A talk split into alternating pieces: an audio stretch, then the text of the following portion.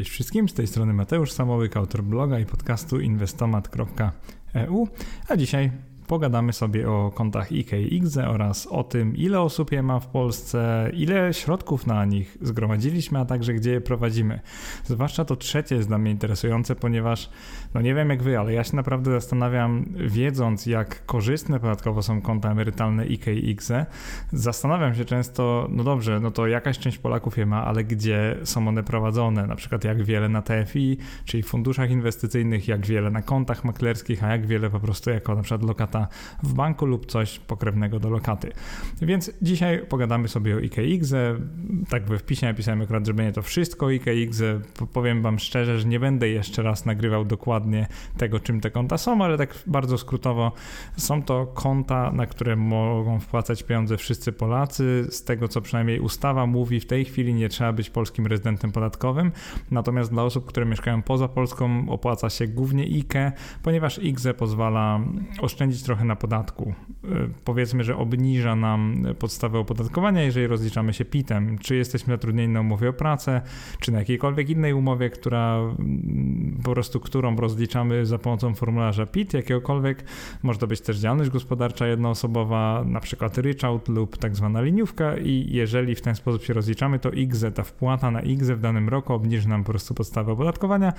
Czytajcie, oszczędzicie trochę na podatkach, więc jakby to konto jest bardzo ciekawe. Natomiast jeżeli ktoś nie rezyduje w Polsce, to IKE będzie dla niego lub dla niej bardziej opłacalne, ponieważ IKE po prostu to jest takie konto, gdzie zasady działania są banalne. Ono pozwala nam ominąć podatek belki, czyli możemy sobie inwestować przez wiele, wiele lat, jeżeli wybierzemy IKE maklerskie i po latach, a dokładniej w wieku 60 lat, możemy to całościowo, czyli po prostu całą kwotę naraz lub ratalnie wypłacić, czyli po prostu zlecając na przykład maklerowi raty typu 2000 miesięcznie, poproszę, żebyście mi wypłacili i wtedy, jeżeli te środki oczywiście będą na koncie, to makler będzie nam co miesiąc wypłacał, już omijając podatek belki, także naprawdę super sprawa. Jeżeli chodzi o statystykę IGZE, no to po pierwsze, ile osób w Polsce ma IKE lub IGZE? I tu się zdziwicie, to będzie pierwsze zdziwienie, ponieważ e, cytując statystykę za koniec drugiego kwartału 2021 roku, czyli grudzień 2021, było to, e, jeżeli chodzi o IKE, tylko około 800 tysięcy Polaków. To jest po prostu liczba, aż nawet mnie zatkało mówiąc to, ale 800 tysięcy Polaków to jest y, bardzo mało. Z czego jeżeli chodzi o rozkład, y, więcej kobiet ma IKE niż mężczyzn, to jest 413 tysięcy kobiet, 383 tysiące mężczyzn, więc to jest takie w miarę wyrównane, ale jednak ta liczba jest przechylona w stronę y, kobiet, czyli oznacza to mniej więcej tyle, że z populacji potencjalnych klientów IKE, czyli w grupie wiekowej tak 20 do 59 lat, to jest akurat w tej chwili około 20 milionów osób, prowadzi jakieś 4 lub 5% uprawnionych, czyli nadal bardzo, ale to bardzo mało. Jeżeli chodzi o to, jak wyglądały zmiany liczby tych kont w czasie, to widać długoterminowy wzrost. W latach 2017 no było to około 900 tysięcy, później doszło do miliona w roku 2019. Natomiast e, ten taki ogromny spadek 2019-2020 tak naprawdę później to wytłumaczę, ale on wynika z tego, że po prostu w statystyce przestały się liczyć tak zwane konta zerowe nowymi środkami, czyli konta, które ktoś otworzył i po kilku latach nie było tam żadnych środków, to takie konta zwyczajnie wypadły ze statystyki. Więc jeżeli spojrzymy sobie na to tak obiektywnie, to mamy rok do roku wzrost liczby tych kont, co jest oczywiście sygnałem bardzo pozytywnym, zwłaszcza, że Polaków jest coraz to mniej, więc jakby wynika, jakby z tego wykresu wynika to, że liczba kont tak naprawdę rośnie, mimo tego spadku, który widać w latach 2019-2020, bo z prawie miliona spadło, spadła ta liczba do 750 tysięcy, to pamiętajcie o tym, że ten spadek jest trochę sztuczny, wynika tylko z tego, że przestaliśmy liczyć konta no, z zerowym, zerowymi środkami. Więc tak naprawdę z czasem konta, na których były środki, taka liczba kont rosła. Jeżeli chodzi o kwoty wpłacone na konta IKE, no to sumarycznie mamy teraz 13,47 e, miliarda. I teraz co to znaczy? To znaczy to, że średnio na koncie IKE mieliśmy 17 tysięcy złotych zgromadzonych, czyli mniej więcej tyle, ile wynosi roczny limit wpłat w roku 2022. No jak myślicie, czy jest to mało, czy dużo? No moim zdaniem jest to dość mało, bo to pokazuje, że albo traktujemy IKE w ten sposób, że zakładamy jej, dokonujemy jednej wpłaty, już nic dalej nie robimy, albo że zakładamy jej i wpłacamy na przykład 1000, 2 lub 3000 rocznie, czyli jakby kompletnie nie wykorzystujemy potencjału tego konta, więc jeżeli chodzi o y, IGE, no to no nie wygląda ta statystyka jakoś yy, imponująco, przynajmniej nie dla mnie. E, jeżeli chodzi o konto IGZE, teraz przełączamy się jakby na drugi wykres, jeżeli jesteśmy na YouTubie lub we wpisie, e, no to tak, IGZE są jeszcze mniej popularne niż IK. I teraz co o tym świadczy? Przede wszystkim to, że no tych kont jest mniej, jest ich niecałe pół miliona, 463 tysiące. I znowu mieliśmy wzrost w latach 2017-18, tak z 650 około tysięcy do prawie 750, a później taki rychły spadek, w zasadzie ogromny spadek, bo ponad 300 tysięcy kont i w roku 2020 pod koniec, dokładnie w grudniu, wylądowaliśmy z liczbą 408 tysięcy kont IGZE w Polsce. I teraz szokujące jest to, bo zauważcie, że jeżeli chodzi o wiek, w którym ludzie powinni być zainteresowani IGZE, to jest to trochę inny przedział wiekowy, to jest grupa 26-64 lata. Dlaczego 26? Ponieważ wcześniej jesteśmy zwolnieni z podatku PIT, więc tak naprawdę nie mamy za bardzo powodów, żeby inwestować przez IGZE, natomiast e, dlaczego do 64, właściwie 5 nawet? Dlatego, że jeżeli chodzi o IGZE, no to warunkiem wypłaty bez podatku belki jest 65 lat, czyli inny wiek niż IKE. No i mamy znowu około 20 milionów osób także w tej grupie, więc jeżeli chodzi o IGZE, jak spojrzymy na liczbę 463 tysięcy kont, które w tej chwili istnieją, no to tak naprawdę 2% potencjalnych klientów IGZE, czyli osób, które mogą być nim zainteresowane, prowadzą to konto, co jest po prostu liczbą niesamowicie y, małą. Jeżeli chodzi o kwotę uzbieraną na IGZE, łącznie jest to w tej chwili 6 miliardów złotych, czyli nie jest tak źle, bo, ponieważ świadczy to o tym, że na średnim koncie IGZE, albo raczej na kontach IGZE średnio znajduje się około 13 tysięcy złotych i to jest blisko dwukrotności ich rocznego limitu wpłat. I tak naprawdę to dowodzi tego, że spora liczba Polaków priorytetyzuje wpłaty na IGZE ponad wpłaty na IKE. Ja tak robię między innymi dlatego, że dla mnie o wiele ważniejszym jest wypełnienie IGZE, ponieważ wtedy oszczędzam na podatkach na bieżąco. Oczywiście na emeryturze zapłacę ten ryczałt 10%, jakby jestem tego świadomy, natomiast ważniejsze jest dla mnie oszczędzenie na bieżąco na podatkach, czyli tak jakby wpłacam na X, akurat jestem przedsiębiorcą, więc prawie 10 tysięcy złotych, bo ono ma wtedy zwiększony limit i państwo oddaje mi z tego jakieś ponad 1000 złotych co roku jakby zwróci mi w oszczędności podatkowej, więc dla mnie jest to po prostu bardziej opłacalne niż IKE. Natomiast IKE jest też dla mnie dużo bardziej opłacalne od zwykłego maklerskiego, więc oczywiście staram się jak najszybciej w ciągu roku uzupełnić obydwa konta, no ale już wracając od tej dygresji do sedna tego podcastu, no to mamy średnio 13 tysięcy złotych na na X, więc to oznacza, że Polacy trochę bardziej poważnie podchodzą do tych kont, jakby trochę więcej środków tam mają, ponieważ równowartość e, dwurocznych limitów e, jednak sugeruje, że Polacy używają ich bardziej regularnie niż IKE, to jest naprawdę świetne. Jeżeli chodzi o podział kobiety-mężczyźni, to tutaj akurat więcej mężczyzn, większa liczba mężczyzn ma X, jest to 237 tysięcy, u kobiet jest to 225 tysięcy. Czyli i tak i tak mało, liczby są mniej więcej równe, tak naprawdę dysproporcja jest tak minimalna, że ciężko jakkolwiek komentować. Tu można tylko podejrzewać, że większa liczba mężczyzn preferuje X, dlatego że na przykład większa liczba mężczyzn po prostu pracuje. To jest prozaiczny powód taki, że część kobiet w Polsce to są jednak mamy, które zostały w domu i które nie pracują aktywnie, czyli są tak zwane bierne zawodowo, więc z tego może wynikać, że akurat e, mężczyźni e, preferują X, natomiast kobiety, większa liczba kobiet ma IKE, ale to wiecie, to tylko gdybanie. Jeżeli chodzi o dynamikę wzrostu środków na X, to jest to naprawdę, no wow, jest to naprawdę bardzo imponujący wzrost, wynosi 350%. E, jeżeli chodzi o te kilka lat, bo tak naprawdę pięcioletni wzrost 350% e, środków. O tyle wzrosły środki, które Polacy uzbierali na kontach IGZE, co jest naprawdę, naprawdę godne podziwu. Jeżeli chodzi o IKE, to było to tylko 80%, więc y, no niby duży wzrost, ale na, na IGZE widać, że Polacy dużo chętniej wpłacają pieniądze. Jeżeli chodzi o konta IKE, wracamy teraz do tych IKE, które mają wyższe limity i zwalniają całościowo z podatku belki i można w wieku 60 lat wypłacić nich środki bez tego podatku, no to teraz sprawdzamy ile kont IKE jest tworzonych i zamykanych w ciągu roku. No i wygląda to nawet nieźle w tym sensie, że no widać długoterminowo, że jest wzrastająca liczba tych nowych kont IKE, takich zupełnie nowych. Na przykład po roku 2020 2021 no doskonale widać, że ok, z czasem ta liczba trochę wzrasta. Już nawet nie ma takiej tendencji, że w drugim kwartale, e, przepraszam, drugim półroczu otwiera się dużo więcej tych kont niż w pierwszym.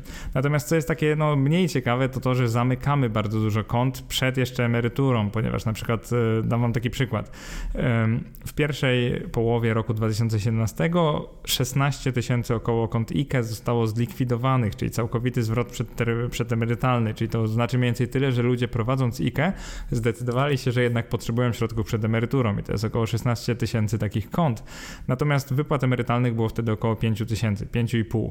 Jeżeli teraz no dodamy teraz 5 lat, czyli przyjdziemy do takiego bardziej bieżącego okresu, czyli koniec roku 2021, to okazuje się, że jeszcze większa liczba osób zamknęła konta IKE przedterminowo, bo to 20 tysięcy kont zostało po prostu zamkniętych.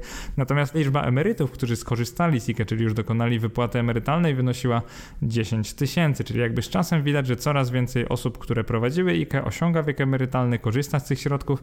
Natomiast taka tendencja, która mi się bardzo nie podoba, to to, że coraz więcej takich kont jest jakby likwidowanych przedterminowo, no bo to znaczy, że albo nie do końca przemyśleliśmy sprawę i e, inwestowaliśmy przez IKE środki, których może nie powinniśmy byli, albo po prostu mamy jakieś nieprzewidziane wydatki może za dużo wpłacaliśmy na IKE i musimy te konta e, zlikwidować, ponieważ tu pokazuje tylko ten całkowity zwrot, czyli wtedy, kiedy likwidujemy konto i ewentualnie możemy gdzieś tam w kolejnych latach je otworzyć.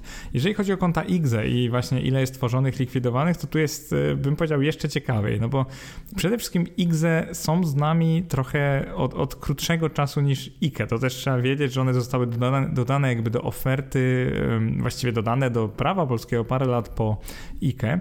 Już nie wchodząc w szczegóły, więc jakby mniejsza liczba osób w pewnym sensie miała szansę się o nich dowiedzieć, zacząć je prowadzić. Jeżeli chodzi o likwidację IGZE, no to z jednej strony nie jest tak źle, bo te, te likwidacje to jest gdzieś tam około, na, na każde półrocze mamy teraz tak średnio 5000 kont X jest likwidowanych, to nie jest tak źle, zwłaszcza w kontekście takim, że na przykład w drugim półroczu roku 2021 e, otwarto aż 45 tysięcy takich kont, że zupełnie nowych kont X, także to jest naprawdę godne e, podziwu. E, natomiast jeżeli chodzi o wypłaty emerytalne, to też widać pewne, mm, powiedziałbym, że albo niezrozumienie trochę tych kont, albo to, że jednak, no, żeby wypłacić X trzeba dojść do 65. Tych kont jest po prostu mniej.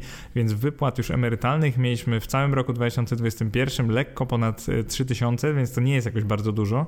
E, w drugiej połowie roku 2021 półtora tysiąca osób wypłaciło emerytalnie już, czyli bez podatku belki, ale z tym ryczałtem 10%. I co naprawdę jest takie widoczne tutaj, to to, że mniejsza liczba emerytów wypłaca pieniądze z IGZE, bo pewnie też dlatego, że mniejsza liczba osób osiągnęła wiek 65 lat, to jest tak prozaiczne. Natomiast te likwidacje IGZE zdarzają się o wiele rzadziej niż likwidacje IKE. Po pierwsze dlatego, że takich kont jest mniej aktywnych, a po drugie dlatego, że też ludzie są świadomi, że likwidacja IGZE ma pewne takie bardziej negatywne konsekwencje podatkowe, mianowicie ta wypłata z IGZE, ile tam nie uzbieraliśmy, to może być nawet 50 lub 100 tysięcy po latach, ona się nam doliczy, musimy ją opodatkować na takich zasadach y, zwy, zwykłych, jeżeli chodzi o PIT, czyli na przykład złożyć wtedy PIT 37 i tak zwanych innych źródeł po prostu zadeklarować, że mamy y, dochody. Tak jakbyśmy zarobili trochę z pracy, bo to jest tak naprawdę bardzo podobne.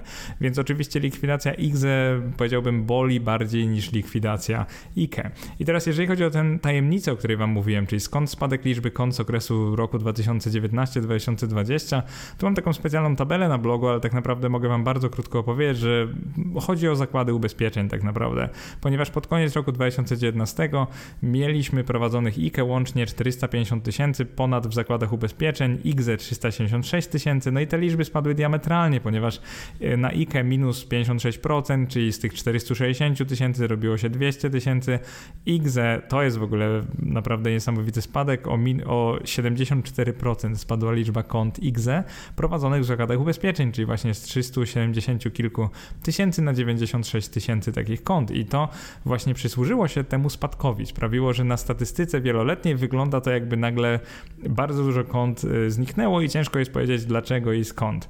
I teraz moim zdaniem najważniejsza część tego podcastu, tu, to gdzie chciałem właśnie wam opowiedzieć nad czym jakby najbardziej ubolewam, ponieważ wśród kont IKX Polaków dominują zazwyczaj drogie i agresywnie promowane konta, na przykład prowadzone w towarzystwach funduszy inwestycyjnych, tak zwanych TFI, e, czy też e, na przykład w towarzystwach ubezpieczeń. No i teraz spora część Polaków myśli, że TFI są jedyną opcją inwestowania na giełdzie, co niestety dowodzi tego kiepskiego poziomu edukacji giełdowej i w ogóle finansowej w Polsce. Gdy przyjrzymy się ofertom kont emerytalnych wśród polskich TFI, zauważymy, że w ogromnej większości są to fundusze aktywnie zarządzane o kosztach bieżących rocznych takich wynoszących nawet 3% w skali roku. W przypadku funduszy akcji jakieś 1%, 1,5% w przypadku funduszy obligacji, czyli ogromna część stopy zwrotu jest po prostu zjadania, zjadana przez instytucje, które to prowadzą. I teraz te koszty są kilku lub nawet kilkunastokrotnie wyższe od tych pobieranych przez zarządzających tanimi funduszami ETF albo w ogóle funduszami pasywnymi, bo to nie muszą być ETF-y, to mogą być też w TFI, ale fundusze pasywne. Na blogu, w podcastach opisywałem je między innymi w serii o ETF-ach, ale tak naprawdę ktokolwiek słucha moich nagrań, no to wie doskonale albo kojarzy czym są ETF-y, więc jeżeli na IKX wybraliśmy TFI właśnie jako nasz ten wehikuł inwestycyjny, to mniej więcej oznacza to, że w długim terminie po prostu gdzieś tam zgubimy połowę naszych, e, naszych zysków, tak naprawdę połowę naszych pieniędzy. Dlaczego zatem 54% prowadzących IKE i 45% prowadzących IGZE zdecydowało się właśnie na TFI? No i moim zdaniem odpowiedzią jest silny marketing tych instytucji, na które środki czerpią one przecież z wysokich opłat, które pobierają od swoich klientów. I co gorsza, drugą najpopularniejszą formą prowadzenia kont IKX są te w zakładach ubezpieczeń. Często w formie polis, polisolokat i które, no nie oszukujmy się, też nie porażają stopą zwrotu, więc tak naprawdę świetny wehikuł, jakim jest IKX, marnujemy trochę w taki sposób, no nieświadomie dość, marnujemy w mniej zyskowny sposób niż gdybyśmy założyli konto maklerskie i inwestowali pasywnie w jakiś taki bardzo mm, prosty sposób. Przede wszystkim jakiś jeden, dwa ETF-y dosłownie przez całe życie. No i to prawie, że gwarantuje nam wysoką stopę zwrotu. Jeszcze na końcu nie płacimy podatku belki, więc to jest prawie, że zbyt piękne, żeby było prawdziwe. No i teraz co mnie naprawdę napawa, może nie przerażeniem, ale na pewno smutkiem, to to, że jak spojrzymy sobie na popularność IKE, no to tak jak mówiłem, około 55% to są TFI, później 25% około to są zakłady ubezpieczeń, następnie to są domy i biura maklerskie, na szczęście 10%, później to są banki, czyli zwykłe lokaty też około 10% i towarzystwa emerytalne 1,2%. O czym to świadczy? No przede wszystkim o tym, że skoro tylko 10% IKE jest prowadzonych w domach lub biurach maklerskich, to świadczy o tym, że ludzie dalej kojarzą domy i biura maklerskie spekulacją, może z inwestowaniem bezpośrednio w akcje, e, z, jakim, z jakąś taką niepewnością, po prostu nie kojarzy im się to, to na tyle bezpiecznie, żeby ulokować to na IKE lub IGZE. No i teraz przenosimy się na IGZE i mamy coś podobnego, czyli 45% kon w towarzystwach funduszy inwestycyjnych, 20% kont ponad w, w zakładach ubezpieczeń, 15% ponad w towarzystwach emerytalnych i dopiero 11,3% domy i biura maklerskie. To jest stan na koniec roku 2021. No i mamy też banki 7%. No o czym to świadczy? Znowu, nie, tam trochę więcej niż jedna dziesiąta prowadzi IGZE w domach maklerskich, czyli tak naprawdę mało kto wie, że w ogóle się da. No i jeszcze, jeżeli dodamy do tego, że e, giełda kojarzy się ze spekulacją, z hazardem, z ryzykiem, no i akurat z tym ostatnim może, albo nawet powinna się kojarzyć, ale nie uważam, że giełda powinna się kojarzyć ludziom, zwłaszcza jeżeli wybierzemy tanie ETF-y na wiele, wiele lat, e, gorzej niż na przykład TFI, które no co robią TFI? TFI też inwestują na giełdzie, jeżeli są akcyjne, więc jakby no nie oszukujmy się, że one będą e, jakąś lepszą opcją, bo tam siedzą profesjonaliści, którzy też są ograniczeni chociażby kapitałem, tym, że po prostu środki muszą inwestować. Jeżeli inwestorzy chcą sprzedać jednostki takiego właśnie TFI, funduszów TFI, na przykład funduszu inwestycyjnego otwartego, to oczywiście prowadzący muszą sprzedać wtedy akcje, więc jakby nie mają specjalnie wyboru, muszą nawet w złym momencie sprzedawać akcje, kiedy by nie chcieli. Jeżeli znowu spojrzymy całościowo na statystykę IKX, czyli zobaczymy ile tych kont jest prowadzonych z każdej z opcji, no to według KNF pod koniec grudnia 2021 roku mieliśmy około 80 tysięcy kont IKE oraz około 52 tysiące kont IGZE w formie maklerskiej. Jest to o tyle ironiczne i takie zabawne naprawdę, że bywały miesiące w historii bloga, w których miał on mniej więcej tyle unikalnych odwiedzających, więc istnieje duża szansa, że większość społeczności Polaków prowadzących maklerskie IKE i IGZE spotyka się po prostu na moim blogu w komentarzach i tych dyskusjach e, pod wpisami. E, oczywiście piszę to pół żartem, pół serio. Wiem, że moje zasięgi są ograniczone i wiem oczywiście, że niektórzy są zainteresowani tylko kategorią gospodarka, inni tylko zarabianiem, a inni tylko inwestowaniem, więc oczywiście to nie jest tak, że wszyscy odwiedzający bloga mają IKE i XE maklerskie.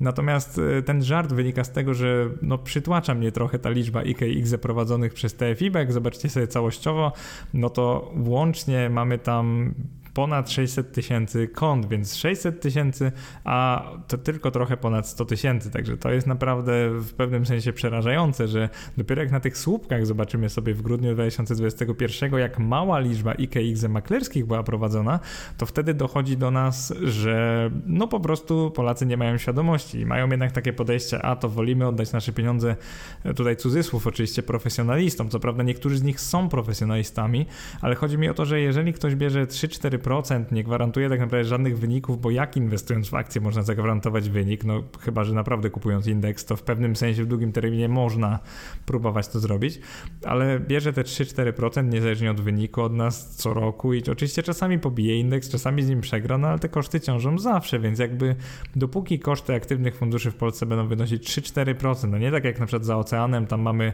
0,4-0,5%, to są takie bardziej rozsądne koszty, takie, które już można ewentualnie ponieść, no to oczywiście radziłbym omijać je szerokim łukiem i zamiast tego wybierać IKX w domach i biurach maklerskich. Jeżeli sprawdzimy stan konta na takim przeciętny stan konta na IKX, no to tu robi się ciekawie, bo teraz dzielimy to per kategoria i choć IKX maklerskie to wśród Polaków bardzo niewielki odsetek, bo tak jak mówiłem, około 10% kont, to właśnie na nich, na tych maklerskich IKX uzbieraliśmy średnio najwięcej środków. Bowiem na maklerskim IKE mamy średnio prawie 41 tysięcy złotych, czyli prawie 2,5-krotnie więcej niż wynosi średnia dla dowolnego IKE. I to jest naprawdę bardzo ciekawe. Dlaczego według mnie tak jest? Po pierwsze dlatego, że inwestorzy bardziej zamożni, czyli ci, którzy rokrocznie wypełniają konta IKE i IGZE pod limit, są chyba bardziej świadomi kosztów i gotowi je redukować, czyli po prostu więcej wiedzą o inwestowaniu i wybierają te tańsze opcje. Po drugie, sam fakt prowadzenia maklerskich IKE i IGZE zwykle oszczędza sporo pieniędzy, przynosząc w długim terminie większy wzrost kapitału niż na innych rodzajach takich kont. No i wreszcie po trzecie, obsługa kont maklerskich IKE i IGZE jest niestety o wiele trudniejsza niż prostych kont IKE i IGZE w TFI, przez co lub dzięki czemu przyciągają one osoby gotowe edukować się w dziedzinie inwestowania, dzięki czemu po prostu osiągają lepsze wyniki inwestycyjne, stąd te średnie środki są wyższe. I tak jak mówiłem, na IKE średnio ponad 40 tysięcy złotych, na IGZE średnio 13 tysięcy złotych, 13,67 jeżeli chodzi o maklerskie. I jest to o tyle ciekawe, że tak jak mówiłem, no na IKE maklerskim mamy 40 tysięcy złotych, na IKE w TFI mamy około 10. I to jest przytłaczająca naprawdę różnica, która no, świadczy w pewnym sensie o tym, że albo osoby, które prowadzą IKE lub IGZE w TFI traktują te konta trochę mniej serio i może rzadziej i mniej tam wpłacają, albo po prostu osoby, które prowadzą te konta w domach maklerskich mają jakby większe umiejętności, robią to bardziej świadomie, robią to też bardziej zyskownie. No i teraz jakbyśmy mieli porównać z zobaczyć po prostu jak ta pasywna rewolucja, ta pasywna zmiana na polskim rynku, zwłaszcza kont IKX przebiega, no to byśmy zobaczyli, że pod koniec roku 2021 prawie 433 tysiące Polaków y, prowadziło IKE w TFI. No i to jest sporo, ponieważ jeszcze 5 lat temu było to 262 tysiące, no i to jest wzrost 65%, naprawdę spory. Ale to jest jednak dobrze, ale bez fajerwerków, bo jeżeli spojrzymy sobie IKE w formie maklerskiej, no to te liczby są niższe, tak? 5 lat temu to było około 30 tysięcy, teraz teraz jest około 80, no ale jednak to jest wzrost w ciągu połowy dekady wynoszący 179%. O tyle wzrosła liczba kont. No i teraz, mimo tego, że IKE w formie TFI jest w Polsce ponad pięciokrotnie więcej niż tych maklerskich, no to jeżeli tempo wzrostu będzie utrzymane dla obydwu rodzajów kont, no to za 7 lat one się, liczba tych kont się wyrówna, czyli taka sama liczba Polaków będzie prowadziła konta IKE w formie właśnie maklerskiej w domach i biurach maklerskich jak w TFI. Jeżeli zobaczymy sobie teraz na pasywną rewolucję wśród IGZE, no to jest tu też bardzo y, podobnie, ale bym powiedział, no jednak nie do końca jest tu szokująco więcej IGZE w formie maklerskiej. 5 e, lat temu było to około, nie wiem czy uwierzycie, życie, ale to było 6660 kont XE w formie maklerskiej. Bardzo mało i około ponad 100 tysięcy kont XE w formie TFI, czyli funduszy inwestycyjnych.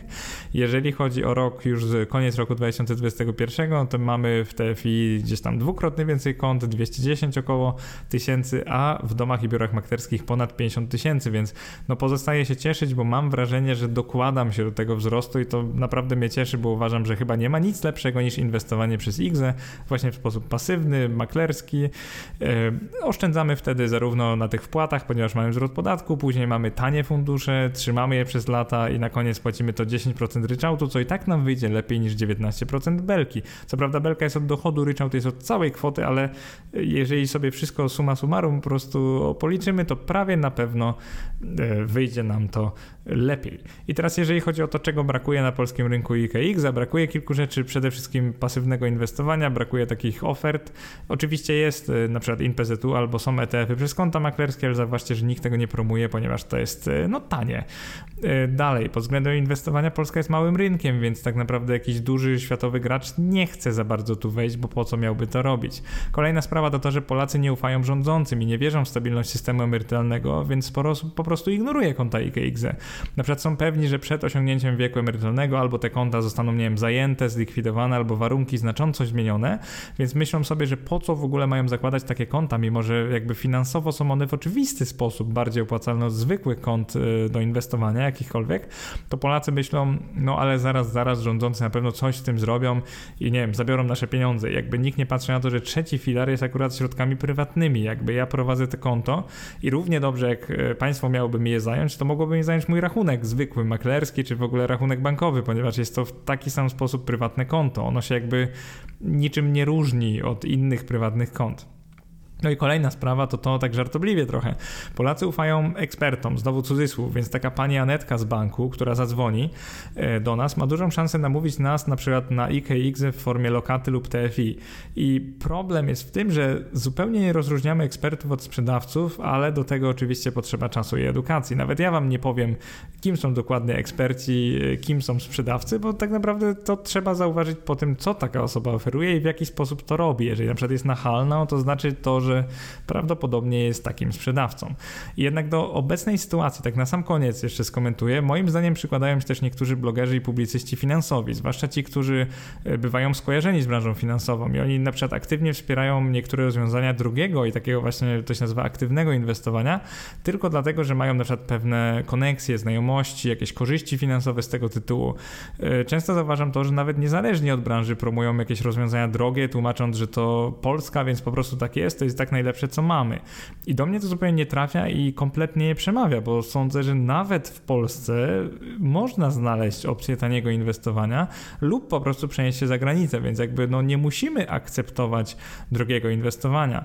I na przykład to, że akceptujemy drogie inwestowanie widać nawet w komentarzach na moim blogu i wystarczy wejść sobie na przykład pod wpis fundusze pasywne INPZ-u, nazwałem go konkurencja dla ETF-ów czy nic ciekawego i które one mnie wielokrotnie zadziwiły, bo ja tam pisałem o tym, że one są droższe od ETF-ów. Oczywiście mają zabezpieczenie e, walutowe, ale to nie zmienia faktu, że są droższe od ETF-ów, więc jest bardzo duża szansa, że w bardzo długim terminie one przegrają z ETF-ami. Tak jakby to jest pewnego rodzaju truizm. E, ale mimo wszystko było tyle komentarzy takich mocno krytykanckich, takich po prostu atakujących wręcz ideę, że ETF-y to w ogóle jest konkurencja dla funduszy pasywnych, na przykład INPZ-u.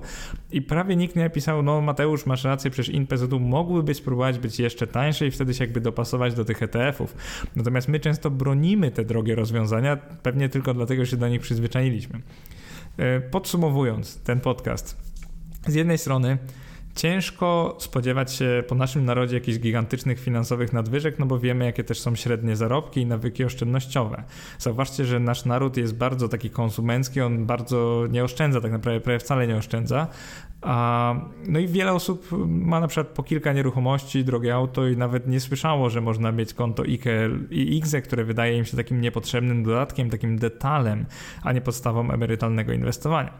I w Polsce mało kto w ogóle myśli o takim prywatnym zabezpieczeniu emerytury i zauważyłem, że no po pierwsze bardzo ufamy systemowi, więc liczymy na to, że te, ta waloryzacja środków w ZUS, oczywiście to jest zapis na koncie, pamiętajcie, a nie prawdziwe środki, że system emerytalny nie będzie zmieniony do naszych emerytur, więc jakby mamy duże zaufanie do tego ZUS-u, że mamy takie podejście, przecież wystarczy płacić te składki, jeśli dojdziemy do emerytury, to oczywiście będziemy mogli za to, że tak to nazwę, wyżyć, że przeżyjemy za to. Ja mam natomiast takie podejście, że nawet jeżeli ufałbym systemowi, ponieważ ufam tak oczywiście, wiecie, no na zasadzie wiem, że będą te emerytury, ale nie wiem o jakiej wysokości, czyli to jest jakieś takie ograniczone zaufanie, no to przecież e, bardzo dobrze jest oszczędzać na kontach IKE i IGZE. IKE się aktywuje w wieku 60 lat, że można już wypłacać X w wieku 65. Ja planuję sobie uzbierać na tych kontach. Oczywiście wpłatami na pewno to nie będzie milion, nawet jakbyście liczyli, to chyba nie dałbym rady tyle wpłacić na każdy skąd, ale dzięki temu wzrostowi, jak będę inwestował pasywnie, no prawie na pewno skończę z jakimś milionem lub więcej. Więc podejście mam takie, że osiągnę tam, tamten wiek i sobie będę wypłacał równowartość na przykład dzisiejszych 5 tysięcy złotych miesięcznie. I tak naprawdę nawet jeżeli będę miał emeryturę z ZUS-u, to nie będę musiał w ogóle na nią liczyć, ponieważ moje IKX będą mi tyle wypłacać, że będę mógł sobie z tego żyć, więc podejście mam takie, że no bardzo, bardzo polecam inwestowanie na IKX, zwłaszcza maklerskich, zwłaszcza pasywnie, no i zwłaszcza w akcje, bo oczywiście w długim terminie, co by się nie działo na tych rynkach akcji, jakie by spadki nie były, to jeżeli co roku dopłacamy, no to przecież w długim terminie uśrednimy sobie koszty zakupu, uśrednimy sobie kurs waluty wobec złotego, no i jakby nie patrzeć, jak gospodarka świata będzie rosła, no to nasze środki też będą rosły. To jest taki trochę no-brainer, więc podchodząc tak do IKX, naprawdę warto założyć się w domach lub biurach maklerskich, do czego Was serdecznie zachęcam. Linki mam na blogu, jeżeli jeszcze nie macie takiego konta, możecie oczywiście założyć z moich linków, za co będę bardzo, ale to bardzo wdzięczny. Dziękuję bardzo za przesłuchanie podcastu. Mam nadzieję, że się podobało. Trzymajcie się. Cześć.